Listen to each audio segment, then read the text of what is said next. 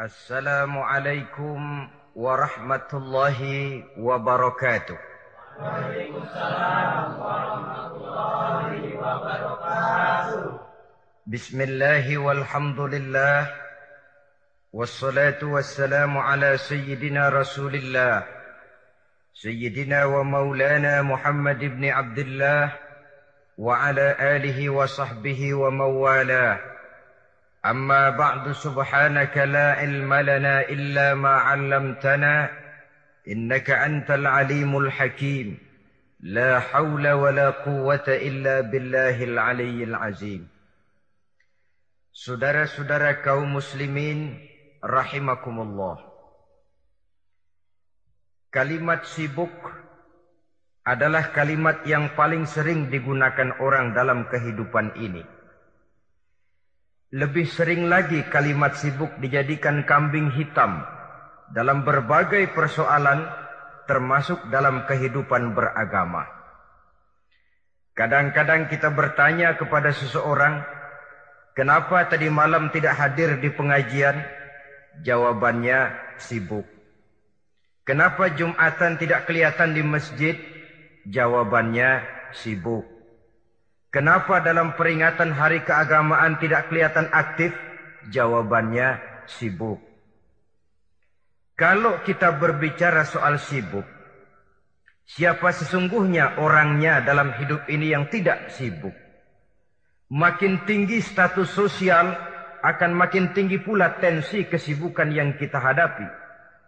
Masalahnya ialah kita yang bisa mengatur kesibukan atau malah kesibukan yang mengatur kita. Kalau kesibukan yang mengatur kita, insya Allah sampai tua sibuk terus. Tapi kalau kita bisa mengatur kesibukan, artinya dalam hidup ini ada semacam bahasa kerennya description of job. Ada semacam pengaturan waktu ada semacam pembagian tugas di dalam kehidupan. Maka pada pertemuan kali ini kita akan berbicara tentang bagaimana mengatur waktu dalam hidup menurut contoh yang diberikan oleh Rasulullah sallallahu alaihi wasallam. Menurut riwayat dari Siti Aisyah radhiyallahu anha adalah baginda Rasul membagi waktu dalam hidupnya itu menjadi tiga bagian. Sepertiga untuk Allah. Sepertiga untuk tugas. Sepertiga lagi untuk keluarga. Jadi ada waktu untuk Allah. Ada waktu untuk tugas. Ada waktu untuk keluarga. Bukankah dalam kehidupan ini kadang-kadang berlaku kepincangan dari tingkah seseorang? Ada orang yang seluruh waktunya cuma untuk Allah saja. Tugas dilupakan, keluarga terlantar, itu bukan orang yang terbaik. Ada orang yang waktunya habis cuma demi tugas saja. Dari pagi sampai pagi lagi kalau tidak di belakang meja, ia rapat saja kerjanya. Allah dilupakan, sujud tidak sempat, keluarga terbengkalai, itu juga bukan orang yang baik. Ada juga orang yang waktunya cuma untuk keluarga, kerjanya ngumpul saja. Seperti bahasa Inggris bilang mangan orang mangan pokoknya ngumpul. Bermasyarakat tidak sempat, sujud tidak pernah dengan kehidupan beragama jauh. Ini pun bukan orang yang terbaik.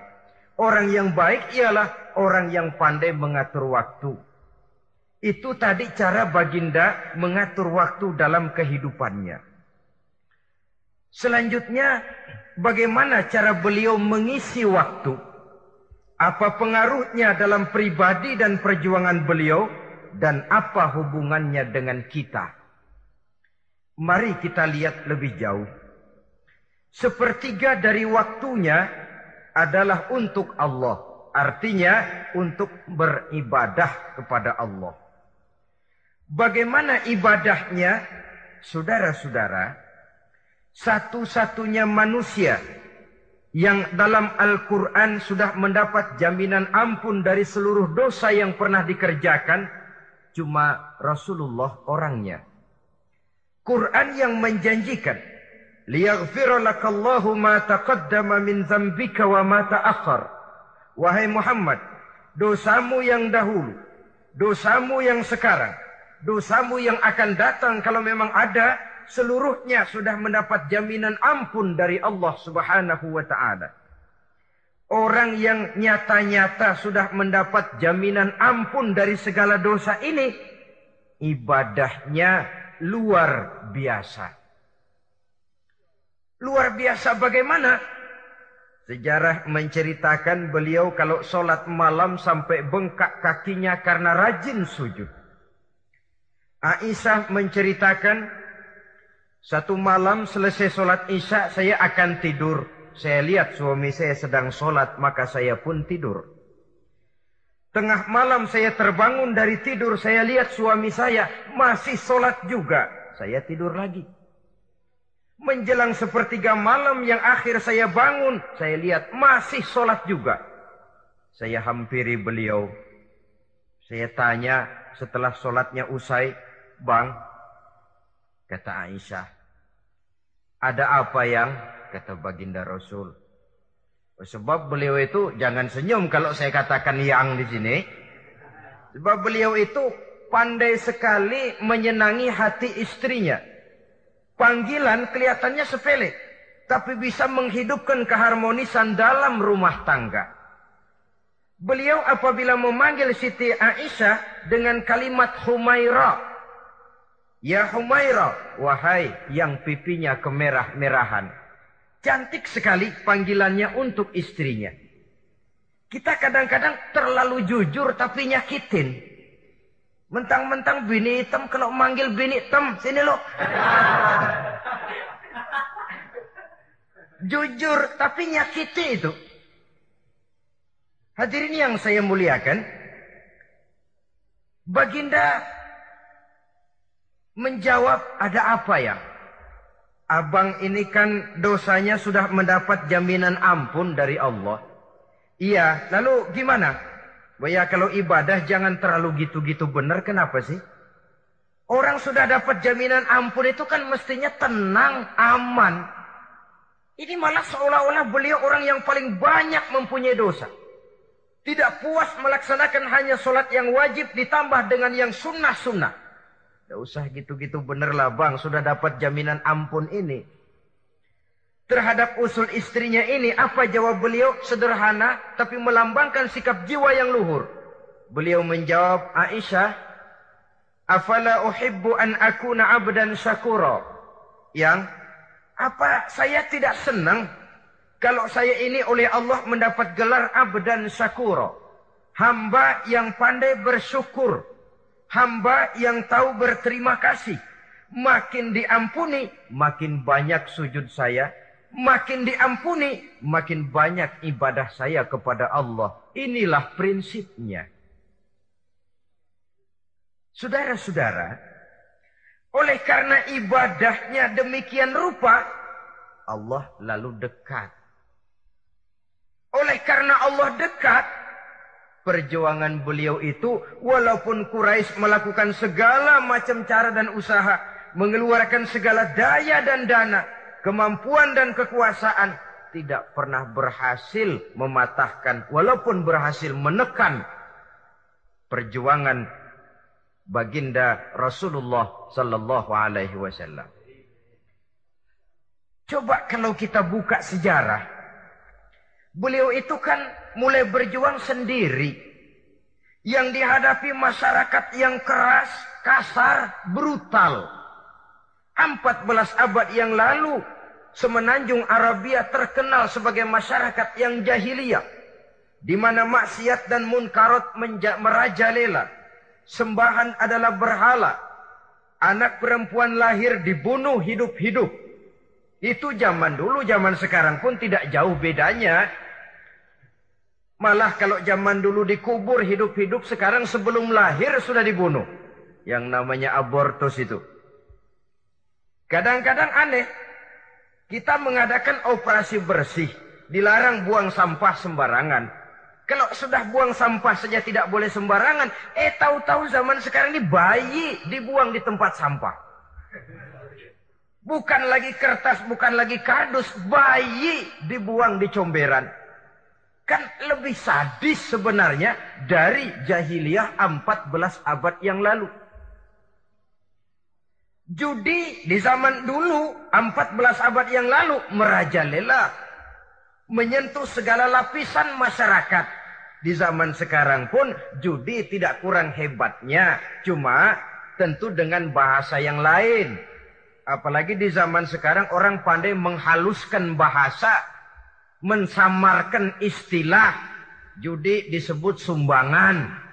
Umpamanya sehingga orang lalu tidak terasa bermain judi, terasanya ikut nyumbang. Itu sekedar istilah yang merangsang orang sebenarnya. Masyarakat yang semacam ini yang dihadapi oleh baginda Rasul. Diangkat jadi Rasul umur 40 tahun lalu mulai berjuang. Mula-mula secara sembunyi dakwahnya itu. Dari pintu ke pintu, dari rumah ke rumah, dari orang ke orang. Hasilnya tiga tahun gerilya berdakwah. Dapat pengikut tidak lebih sebelas orang. Sudah tidak digaji, tidak dapat beras, hidup pun miskin. Tiga tahun dakwah, dapat pengikut sebelas orang. Ustadz mana zaman sekarang yang masih mau ngajar? Kalau tiga tahun buka pengajian yang ngaji cuma sebelas, bubar. Kiai mana yang masih mau buka pondok kalau tiga tahun buka pesantren santrinya cuma sebelas? Pemimpin mana yang masih mau kampanye kalau tiga tahun kampanye dapat pemilih cuma sebelas? Bangkrut. Tapi tidak dengan Rasul. Tiga tahun berlalu turun perintah fasda bima tu'mar. Tidak usah berdakwah secara sembunyi Muhammad sampaikan saja Islam secara terbuka. Mulailah beliau berdakwah secara terbuka, terang-terangan. Mula-mula Quraisy dikumpulkan dekat Ka'bah. Kumpulah Abu Jahal, Abu Lahab, Abu Sufyan dan gembong-gembong Quraisy. Di sana buat pertama kali secara terbuka baginda Rasul pidato. Tuan-tuan Quraisy, apakah tuan-tuan percaya kepada saya? Percaya. Kenapa? Karena anda Muhammad sejak kecil belum pernah bohong. Baik. Jikalau memang tuan-tuan percaya kepada saya, maka mulai hari ini saya serukan kepada tuan-tuan, ankizu anfusakum minan nar. Jaga, pelihara, lindungi dan selamatkan diri tuan dari neraka. Tinggalkan segala macam berhala, jauhi latta, uzza, manat dan hubal Sembah Allah Tuhan yang Esa, yang lam yalid walam yulad. Yang tidak beranak dan tidak diperanakan. Ini dakwah pertama yang beliau sampaikan.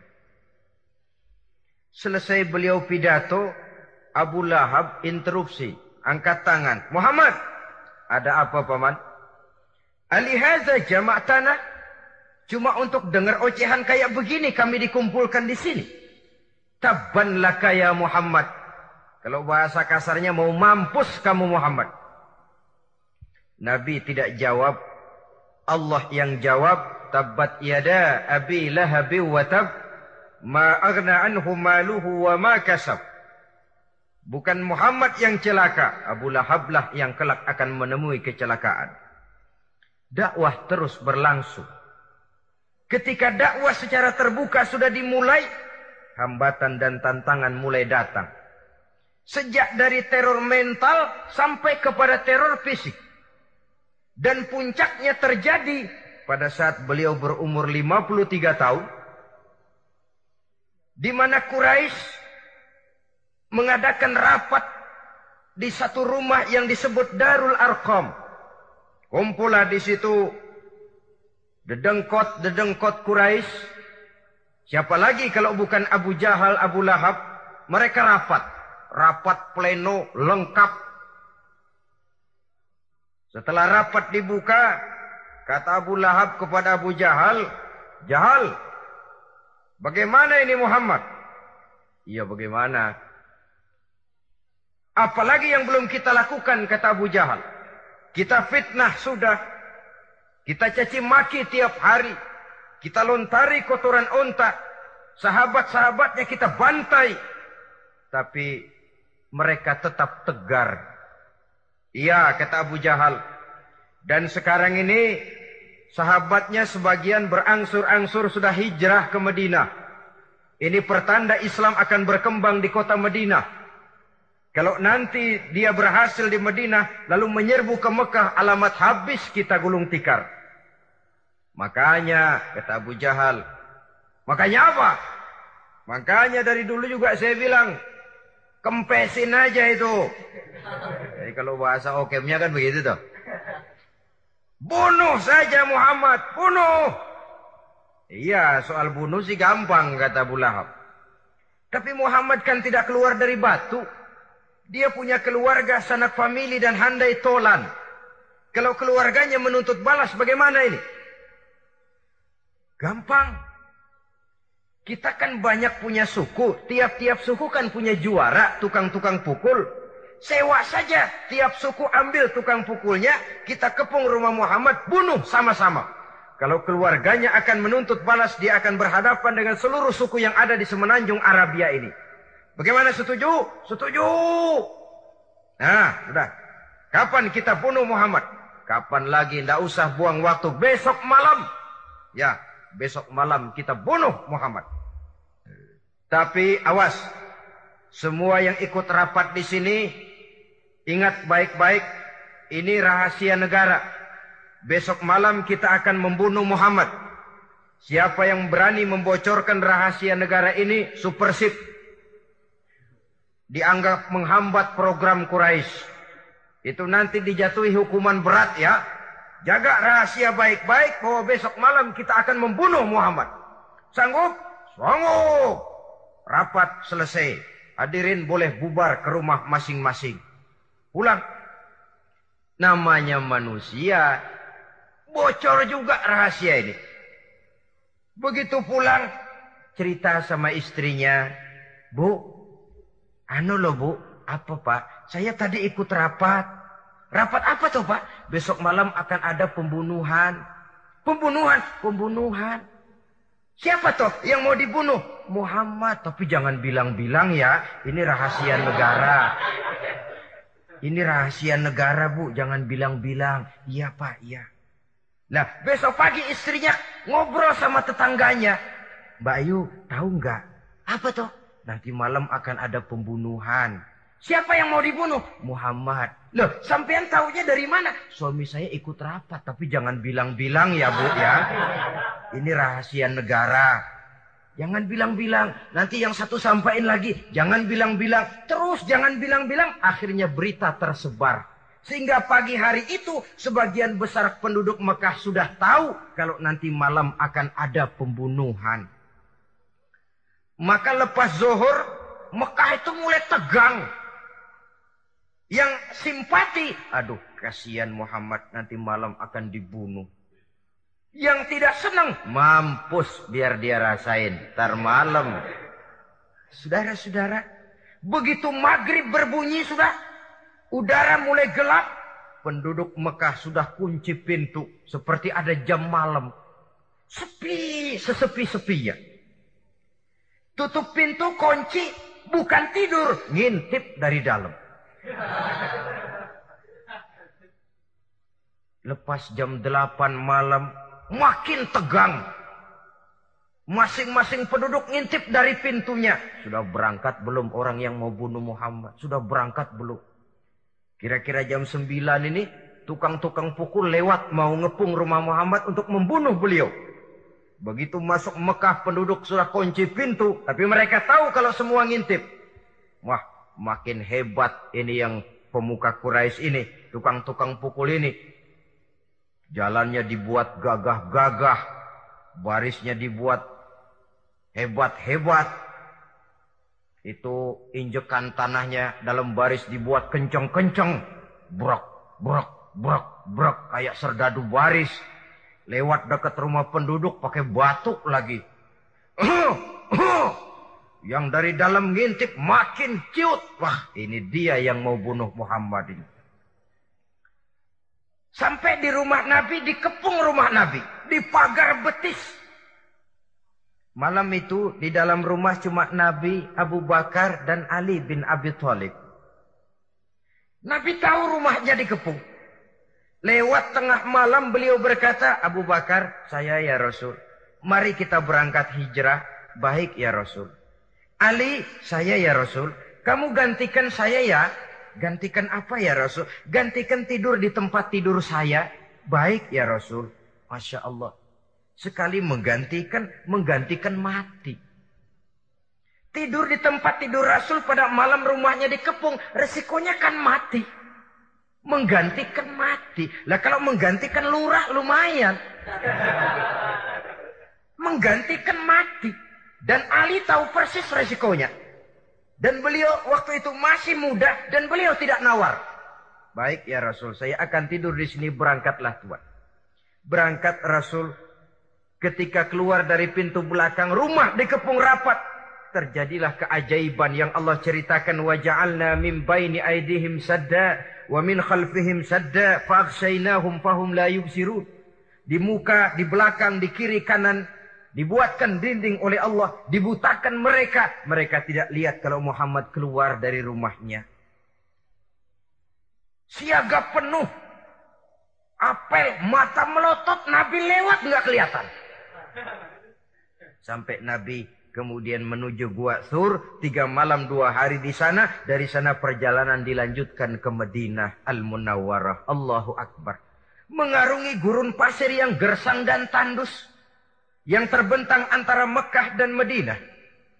Meninggalkan kampung halaman tempat di mana dilahirkan dan dibesarkan. Keluarga yang berbeda akidah terpaksa berpisah. Kok kuat? Kok bisa? Kok sanggup? Di mana rahasia kekuatannya? Beliau punya sandaran vertikal. Ibadahnya kepada Allah. Dengan bahasa kita sekarang, beliau punya backing. Backingnya tidak kepalang tanggung. Yang serba maha. Maka saya mengajak kepada seluruh kaum muslimin. Di zaman sekarang kan orang lagi main backing-backingan. Ya, Nah, siapa yang punya backing punya jalu. Saya cuma mengajak kalau mau cari backing jangan kepalang tanggung. Carilah backing yang serba maha. Maha gagah, maha tahu, maha adil, maha bijaksana, maha segala-galanya. Dan dialah Allah subhanahu wa ta'ala. Saudara punya backing kolonel, tanggung. Nanti dia pensiun habis. Yang kolonel saja tanggung apalagi yang kopral. Kalau mau cari backing, carilah backing yang serba maha Allah Azza wa Jalla. Caranya? Caranya tentu dekat kepadanya. Untuk dekat kepadanya melalui jalur yang sudah diatur olehnya melalui Rasulullah Sallallahu Alaihi Wasallam, yaitu solat ibadah Makin tinggi nilai ibadah, makin dekat kita dengannya. Makin dekat dengannya, makin banyak fasilitas yang akan diberikan untuk kita. Saudara pegawai negeri, ingin cepat naik golongan, itu caranya dua. Pertama, jam kantor disiplin. Jam 7 masuk, masuk. Jam 3 pulang, pulang. Kalau belum jam pulang, jangan pulang. Yang kedua tambahan di luar jam kantor sering-sering datang ke rumah kepala bagian. Apa malam minggu, apa hari minggu, apa bawa jeruk, apa pisang ambon kan begitu toh. Ini nanti kan kepala bagian kan nilai. Karyawan saya yang satu ini jam kantornya disiplin. Tambahan dia sering datang hari minggu di luar jam kantor bawa jeruk lagi. Ini mestinya belum naik lah gue naikin dulu ke atas. Naik saudara-saudara. Yang saya maksud apa? Itu zuhur, asar, maghrib, isya, subuh, jam kerja resmi itu. Jam kantor.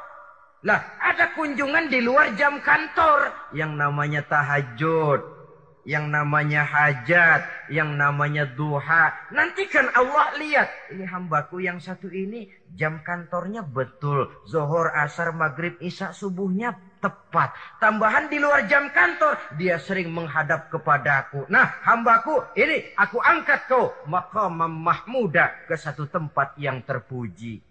Kalau Allah yang ngangkat, satu negara orang mau rendahkan kita, kita akan tetap tinggi. Kalau Allah mau rendahkan, satu negara mau angkat kita. Kalau memang dasar mesti nyungsap, nyungsap ke bawah. Inilah perlunya sandaran vertikal. Inilah perlunya kita mempunyai backing hanya kepada Allah. Pada waktunya orang akan sampai ke titik jenuh. Dalam kesunyian orang sering mempertanyakan eksistensi diri. Mulai mempertanyakan hakikat keberadaannya. Di tengah kesibukan bisnisnya.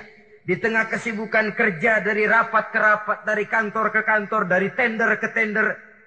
Orang akan sampai kepada titik jenuh. Dikala itu dia memerlukan ketenangan. Dikala itu dia memerlukan kedamaian. Dikala itu dia mencari eksistensi diri. Sebenarnya hidup ini mau apa sih? Cuma sekedar menjalani hal-hal yang rutin saja. Pergi pagi, pulang sore, peras keringat, banting tulang. Atau ada tujuan yang lebih luhur daripada sekedar ini. Dikala itulah dia mulai mencari jalur untuk mendekatkan diri kepada sang pencipta. Dan tidak bisa ingin dekat dengan Allah saudara pakai aturan sendiri. Ingin dekat dengan gubernur harus ikut aturan yang ditetapkan oleh protokolnya gubernur. Ingin dekat dengan presiden, ya ikut jalur yang sudah disusun oleh protokolnya presiden. Ingin dekat dengan Allah, ya ikut jalur yang sudah diatur oleh Allah melalui Rasulnya. Apa itu? Ya di antaranya sholat, puasa, dan ketentuan-ketentuan ibadah yang lain. Tidak bisa dengan prinsip yang penting kan hati baik, berjiwa bersih, akhlak luhur. Tidak usah sholat kalau hati baik sudah dekat dengan Allah. Oh, alangkah enaknya kalau begitu. Kalau dengan itu bisa dekat dengan Allah, rasanya Nabi Muhammad yang paling dulu berhenti sembahyang. Kenapa? Beliau orang yang hatinya paling baik. Beliau orang yang budinya paling luhur. Kalau budi luhur dan hati baik sudah menjamin untuk dekat dengan Allah, Nabi dulu berhenti sholat. Nyatanya tidak. Beliau orang yang berbudi luhur, berakhlak baik, entoh ibadahnya demikian rupa. Dan beliau adalah standar untuk kita jadikan contoh dalam mengamalkan ajaran-ajaran agama di kehidupan kita ini. Saudara, itu tadi sepertiga waktu beliau untuk ibadah, untuk Allah. Sepertiga yang kedua dari waktu beliau adalah untuk tugas. Dalam hal ini, sebagai seorang rasul, menyampaikan risalah Islam berhadapan dengan umat. Yang jadi soal ialah, apa modal utama beliau di dalam melaksanakan tugas? Dan ini nanti sebagai cerminan buat kita. Modal utamanya pertama adalah keteladanan, dan yang kedua adalah akhlak. Sekarang ini kita hampir nyaris mengalami berbagai macam krisis. Yang paling santer kita dengar adalah krisis wibawa. Ada pak guru dicegat muridnya di jalanan dipukulin. Karena nggak naik kelas katanya. Nampaknya guru tidak lagi berwibawa. Di satu pihak mungkin karena si guru tidak bisa digugu dan ditiru. Di lain pihak juga murid tidak lagi mengenal arti rasa hormat kepada Pak Guru. Nah, kenapa krisis wibawa timbul? Karena tidak ada keteladanan. Adapun Rasul wibawa beliau timbul di tengah umat karena keteladanan ini. Apa pun yang beliau ajarkan kepada umat, beliau adalah pelaksana pertama. Dengan kata lain, satunya kata dan perbuatan. Ini yang sangat diperlukan di zaman kita sekarang. Bukan cuma sekedar simposium, muktamar, kongres, rapat besar dengan keputusan bertumpuk-tumpuk kertas di atas meja tetapi tidak pernah terrealisir dalam kehidupan. Yang kita perlukan adalah satunya kata dan perbuatan. Bahwa kalau itu yang diucapkan, itu yang diterapkan. Kalau itu yang diteorikan, itu yang dikerjakan. Keteladanan. Yang kedua, rahasia sukses beliau dalam melaksanakan tugas berhadapan dengan umat, akhlak. Beliau tidak menyampaikan Islam ini dengan kekerasan. Tidak juga dengan bujuk rayu harta. Tidak pula dengan menakut-nakuti orang. Belum pernah kita baca dalam sejarah beliau teriak-teriak, awas yang tidak masuk Islam dipecat jadi orang Arab. Tidak. Atau dengan bujuk rayu, ayo siapa masuk Islam super mie dua bungkus. Tidak. Sebab kebenaran tidak bisa dipupuk dengan materi. Kebenaran adalah soal keyakinan dan keyakinan adalah soal batin. Orang yang beragama karena tertarik kepada supermi. Orang yang beragama karena tertarik kepada pakaian, kepada obat-obatan. Nilai imannya dipupuk dengan materi. Dan usaha seperti itu sama saja dengan menegakkan benang basah. Dia percaya kepada sesuatu yang dia tidak mengerti. Dia yakin kepada sesuatu yang dia tidak tahu apa bentuk yang dia yakini itu. Alangkah malang dan kasihannya orang yang beragama seperti ini. Tidak demikian dengan Rasul. Islam ini adalah satu keyakinan. Keyakinan terhadap kebenaran hanya bisa ditegakkan dalam nurani manusia yang paling mendasar. Karena itu dia tidak bisa dipaksakan. Dan itu pula sebabnya Quran punya prinsip. La ikraha fid din. Tidak ada paksaan dalam beragama. Mau Islam silahkan, tidak mau Islam silahkan. Allah tidak memaksa. Tapi ayat ini jangan disalah pakai. Tidak pernah sholat ditanya orang, kamu kan Islam kok tidak sholat? Eh, la ikrohafidin dong. salah pakai. Yang tidak ada paksaan dalam beragama itu untuk orang di luar Islam. Kepada tuan-tuan di luar Islam, la ikraha fiddin. Tidak ada paksaan masuk Islam.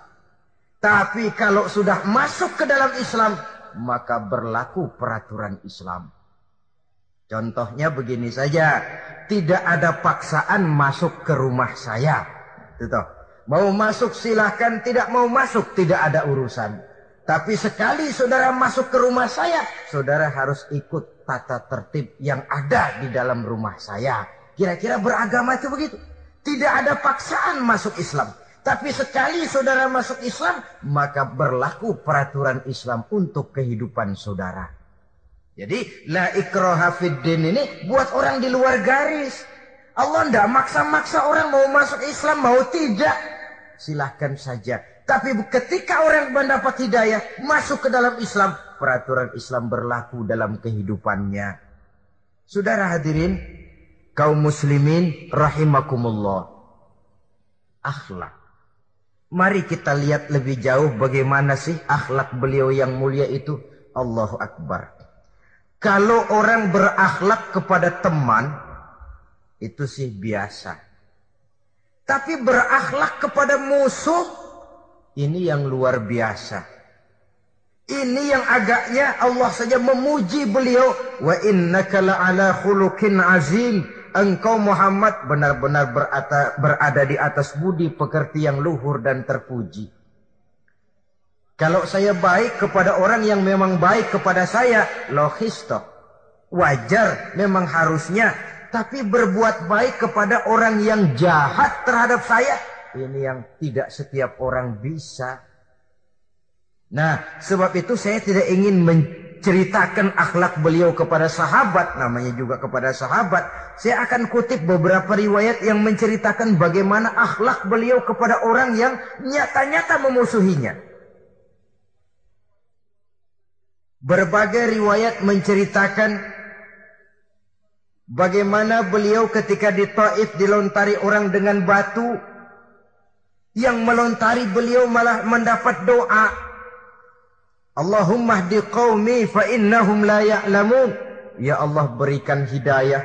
Berikan petunjuk kepada yang mereka yang melontari saya dengan batu. Karena mereka tidak tahu.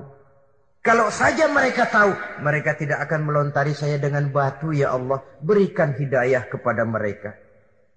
Padahal ketika itu malaikat Jibril menawarkan jasa Muhammad, kalau kamu mau orang yang melontari kau dengan batu itu hancur, saat ini juga saya angkat Jabal Uhud, saya timpakan mereka biar mati semua. Mau Muhammad? Jangan Jibril, mereka tidak tahu. Kalau saja mereka tahu, mereka tidak akan melontari saya dengan batu. Lebih baik doakan mereka supaya mendapat hidayah dari Allah. dalam kondisi kepepet, dilontari dengan batu, malaikat Jibril datang menawarkan jasa. Beliau lebih memilih mendoakan orang yang berbuat jahat itu. Ya Allah, bukan main. Umumnya kita kan kalau lagi kepepet ada yang nolongin girang bener. Andai kata kita yang jadi nabi disambitin orang datang malaikat Jibril nawarin bagaimana sikat abisin aja dah.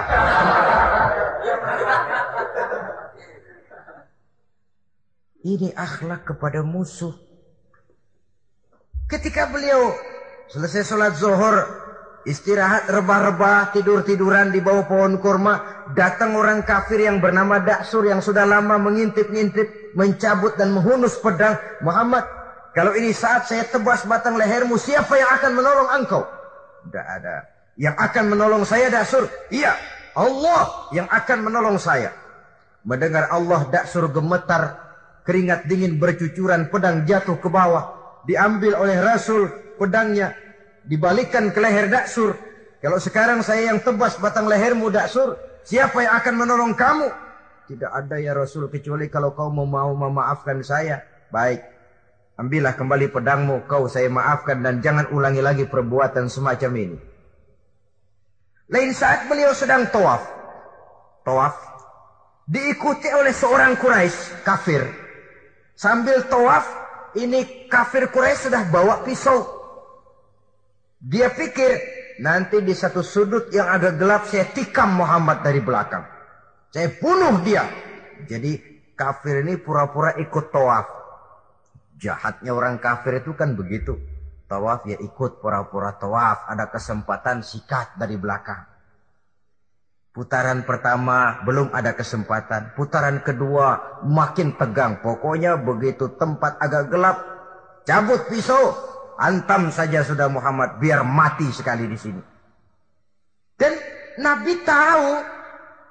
Oh ini asisten pribadi malaikat Jibril ngasih tahu tuh. Jadi malaikat Jibril memberitahu, awas Muhammad itu di belakangmu orang cuma pura-pura tawaf. Dia bawa pisau mau bunuh kamu. Hati-hati Muhammad Roger ganti gitu.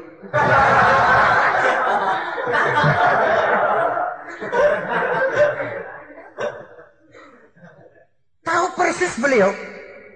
Sampai di satu sudut yang gelap. Si kafir ini mencabut pisau. Nabi nengok ke belakang. Menoleh Nabi. Begitu menoleh, Quraisy ini kan ketangkep basah. Bahasa Arabnya yumsak mablul katanya. Ketangkep basah. Grogi, salah tingkah. Garuk nggak gatel. Kasihan ngelihatnya sudah. Ya namanya orang ketangkep basah itu. Mau alasan-alasan apa?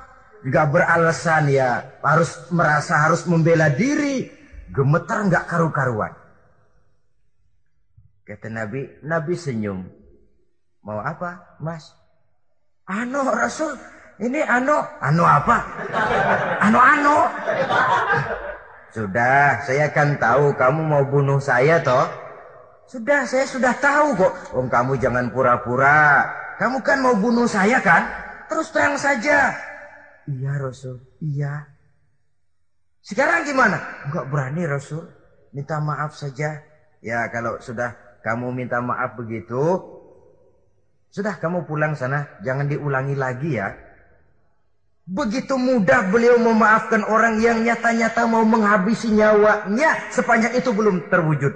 Sepanjang itu belum terbentuk dalam artian real. Sangat mudah beliau memaafkan orang. Saudara hadirin, kaum muslimin rahimakumullah. Pemaaf lapang dada, toleransi, menghargai pendapat para sahabatnya. Ini sederetan dari akhlak yang terpuji. Sehingga karena keluhuran akhlak inilah yang menyebabkan orang tertarik masuk ke dalam Islam. Beliau berprinsip apa? Basiru wala tunaffiru, yasiru wala tu'asiru. Gembirakan orang jangan ditakut-takuti, mudahkan persoalan orang jangan dibikin sulit. Ini kan satu prinsip yang sangat baik dalam melaksanakan dakwah, dalam menyampaikan misi. Apa pun tugas kita di masyarakat, sebagai pegawai pemerintahan, pejabat negara, pedagang, pengusaha, seniman, ustadz, mubalik, kiai, ulama. Dalam berbagai profesi, modal utama untuk sukses adalah akhlak. Sebab hati kita yang tahu cuma Allah. Orang orang lihat penampilan kita. Orang orang lihat muka kita. Sebab itu Nabi katakan, "Innakum la tas'una nasa bi amwalikum, walakin yas'uhum minhum bastul wajhi wa husnul khuluqi." Kamu tidak akan bisa menarik simpati orang banyak dengan hartamu. Tapi bisa kau tarik simpati orang banyak dengan akhlak yang baik dan muka yang senyum. Muka yang enak dilihat. Orang kadang sering bilang, dia mah biar mukanya begitu hatinya baik. Iya soal hati kita nggak tahu. Yang kita lihat pertama, muka. Bagaimana gue mau ikut dia mukanya kayak batu kuburan. Kesan serem pertama itu kan sudah iya ada. Walaupun kadang-kadang hati memang baik, tapi hati itu kan urusan Allah. Yang kita lihat pertama, muka. Ini barangkali nanti termasuk teori dalam psychology of salesman ya. Bahwa sesuatu yang baik kalau dihidangkan dengan cara yang tidak baik, orang tidak akan tertarik. Lihat saja, orang sekarang ini kan entah makin lajunya dunia bisnis kita, masuk ke rumah-rumah kita cuma menawarkan air jahe, menawarkan sasa, menawarkan kecap bango, menawarkan barang-barang yang kelihatannya remeh. Ini kan termasuk psychology of salesman. Yang datang ya biasanya perempuan, wajahnya ya lumayan paling kurang sedikit di atas enam lah begitu. Nah. Lalu tutur katanya sopan, masuk ke rumah tidak sungkan ada rasa familiar, rasa kekeluargaan lalu datang. Taktik untuk menawarkan barang yang jadi da merek dagangannya. Nah, Islam ini agama yang baik kalau disampaikan dengan cara yang tidak baik, sadis, memponis, orang akan lari dan jauh. Menyinggung, bukan menyentuh. Siapa pun kalau tersinggung lari, tapi kalau tersentuh dia akan mendekat. Apaan lo Islam bayang begitu? Mikir nih anakku sembayang diomelin mendingan kagak sembayang sekalian ketahuan. Saudara hadirin yang saya muliakan, ini yang diberikan contoh oleh baginda Nabi. Apa pun tugas kita, pedagang, utamakan akhlak. Petani, utamakan akhlak. Seniman, utamakan akhlak. Mubalik, utamakan akhlak. Pejabat negara, utamakan akhlak. Pelayan dan pengabdi masyarakat, utamakan akhlak. Saudara hadirin yang saya hormati, kaum muslimin yang berbahagia. Oh jadi untuk sukses di masyarakat, untuk sukses di tempat tugas, modal utama adalah akhlak. Dan ini yang dicantikan contoh dari Nabi kita Muhammad sallallahu alaihi wasallam. Sepertiga waktunya untuk tugas. Dalam menjalankan dan melaksanakan tugas sebagai seorang rasul, menyampaikan risalah Islam, berhadapan dengan umat, modal utamanya adalah akhlak. Demikian juga kita di masyarakat. Dan akhlak itu memang harus dibiasakan sejak kita kecil. Sehingga dengan demikian nilai-nilai yang baik akan terus terbawa sampai di hari tua kita. Saudara-saudara, rasanya kehancuran satu bangsa di mana pun di dunia ini selalu dimulai dengan kehancuran akhlak daripada bangsa itu sendiri. Dan kehancuran akhlak itu bisa saja terjadi di tengah kemakmuran ekonomi, di tengah maju dan canggihnya teknologi. Kapan? Apabila pegangan orang kepada agama sudah lemah dan rapuh. Kita tengok di negara-negara di sebelah barat kita, kemajuan teknologi yang tidak diimbangi dengan kuatnya pegangan orang kepada agama telah melahirkan budaya-budaya yang merendahkan martabat manusia. Lahirlah kebudayaan hipis, lahirlah kebudayaan nudis, hidup serba bosan dengan indan itu karena segalanya sudah dimiliki, rumah mentereng, jumlah kendaraan sejumlah keluarga, kapal pesiar di laut mewah, pesawat udara punya. Setelah ini punya ini ada semua ada, titik jenuh sampai.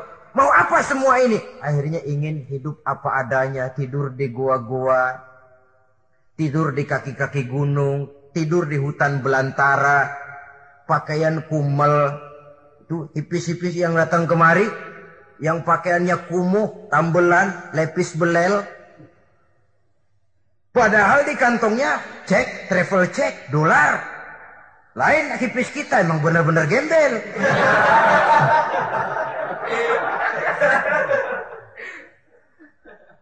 merasa jenuh, merasa bosan.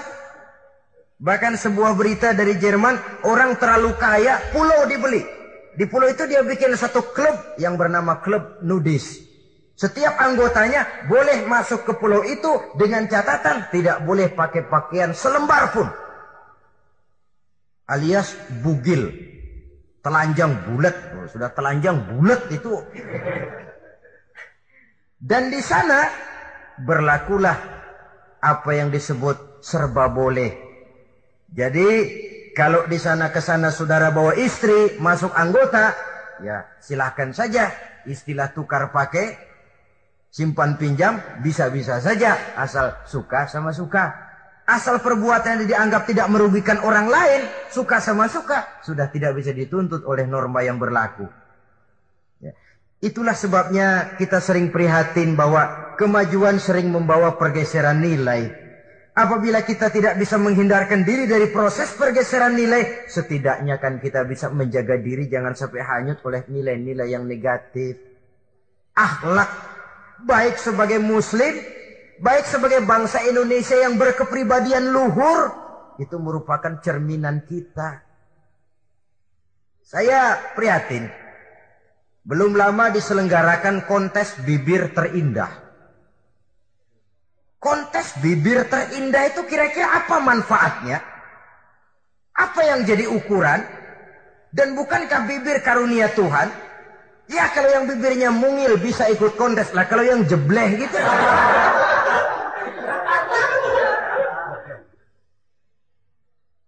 Kontes bibir terindah masih hangat dibicarakan orang.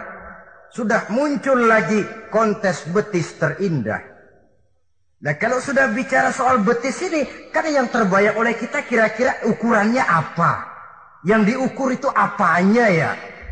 Ya tentu betisnya itu. Nah paling celaka kalau betis-betis yang ikut itu nanti jadi milik panitia semua kan.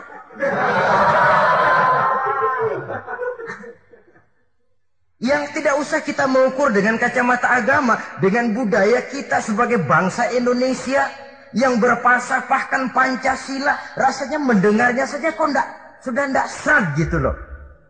Enggak pas untuk ukuran kita sebagai bangsa yang berfalsafahkan Pancasila. Saudara-saudara kaum muslimin rahimakumullah. Ini yang saya maksud tadi proses pergeseran nilai. Andai kata kita tidak bisa menghindarkan diri dari hal yang semacam itu, setidaknya kita bisa menjaga diri jangan sampai hanyut ditelan proses pergeseran nilai. Dan memelihara nilai-nilai akhlak ini dari hari ke hari memang tidak semakin ringan. Bahkan akan semakin berat karena tantangan yang kita hadapi juga akan semakin berat. Inilah sepertiga yang kedua dari waktu beliau untuk melaksanakan tugas. Jadi modal utama dalam melaksanakan tugas akhlak. Di antara nilai akhlak itu prinsip Nabi tadi, gembirakan orang, jangan ditakut-takuti, mudahkan urusan orang, jangan dibikin sulit. Sehingga kalau yang memang mudah lalu dipersulit, itu sudah mencerminkan akhlak yang tidak diajarkan oleh Rasulullah Sallallahu Alaihi Wasallam. Kemudian yang terakhir, sepertiga yang ketiga dari waktu beliau adalah untuk keluarga. Jadi tadi ada waktu untuk Allah, ibadah. Ada waktu untuk tugas. Dan yang ketiga ada waktu untuk keluarga. Bagaimana Rasul di tengah keluarganya? Anas bin Malik bercerita, saya 11 tahun membantu di rumah tangga Rasul. 11 tahun itu kan artinya 11 kali 360 hari kali 24 jam. Bukan waktu yang sebentar itu. Selama 11 tahun saya membantu di rumah tangga Rasul, kata Anas, belum pernah saya dengar kata-kata kasar, keras, membentak. 11 tahun saya membantu di rumah tangga beliau. Belum pernah saya lihat ada piring terbang, ada bakyak melayang. Artinya apa? Cerminan dari ketentang, ketentraman, keayeman, kedamaian rumah tangga beliau. Padahal rumah tangganya kecil. Istrinya lebih dari satu. Tapi aman, tentang rukun. Kita kadang-kadang istri satu seminggu tujuh hari, perang enam hari. Cuma satu hari gencatan senjata. Sudah hadirin, saudara kaum muslimin, rahimakumullah. Kalau beliau tidak menyenangi satu masakan, misalnya masakan istrinya, tidak mencah-mencah, cuma kelihatan dari makannya barangkali tidak begitu banyak. Tapi tidak pernah mencela apa pun yang dimasak istrinya.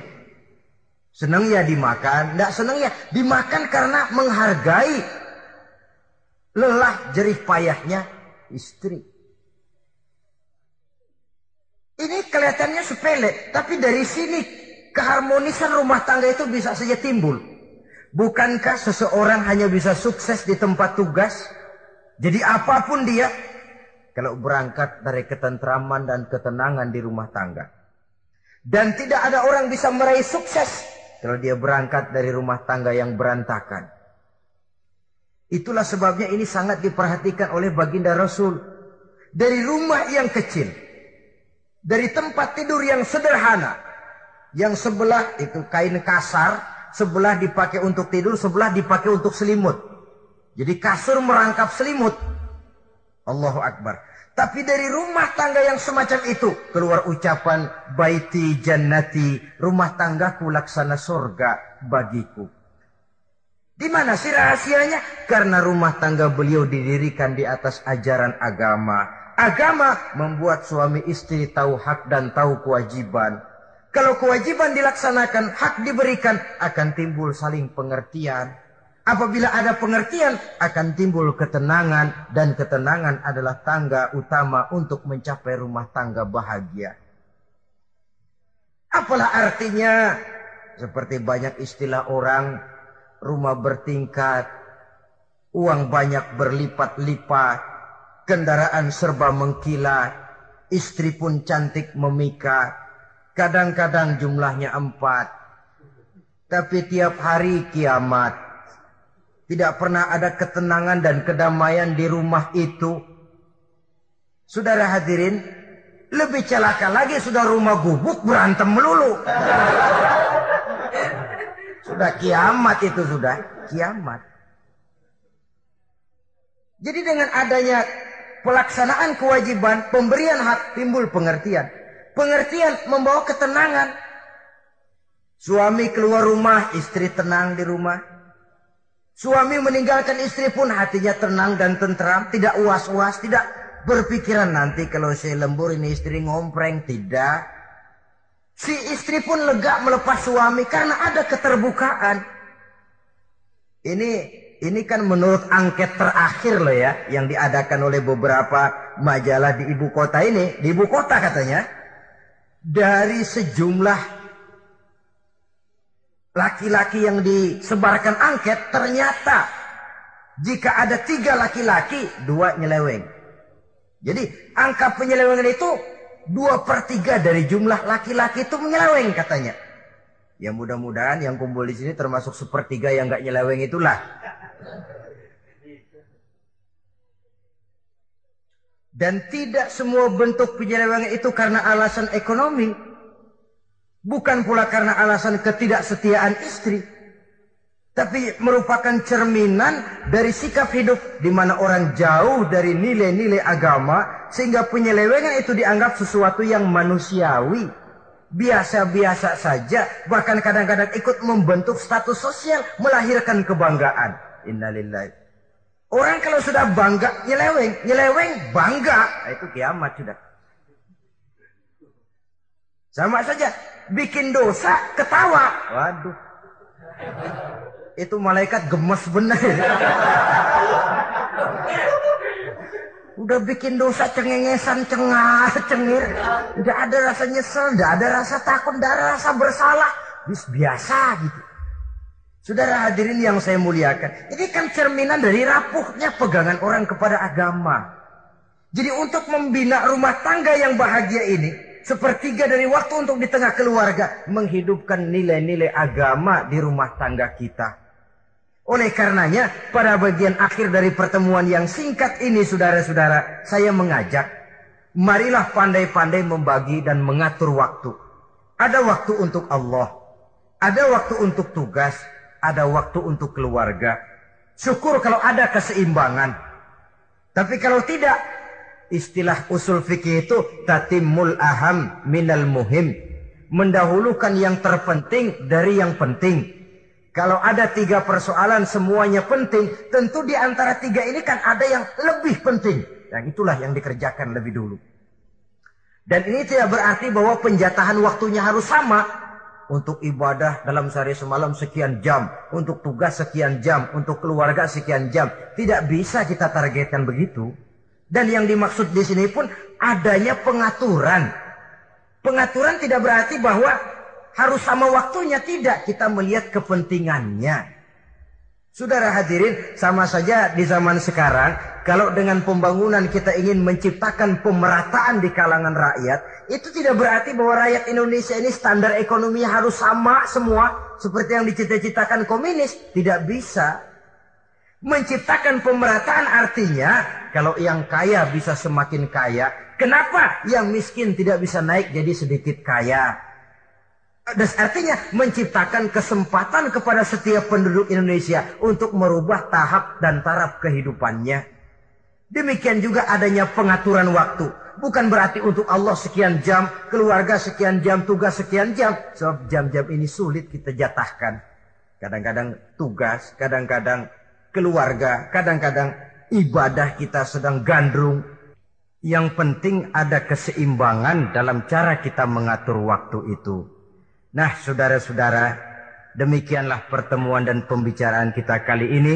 Terima kasih atas segala perhatian. Mohon maaf atas segala kekurangan. Usikum wa nafsi bitaqwallah. Wassalamualaikum warahmatullahi wabarakatuh. Waalaikumsalam.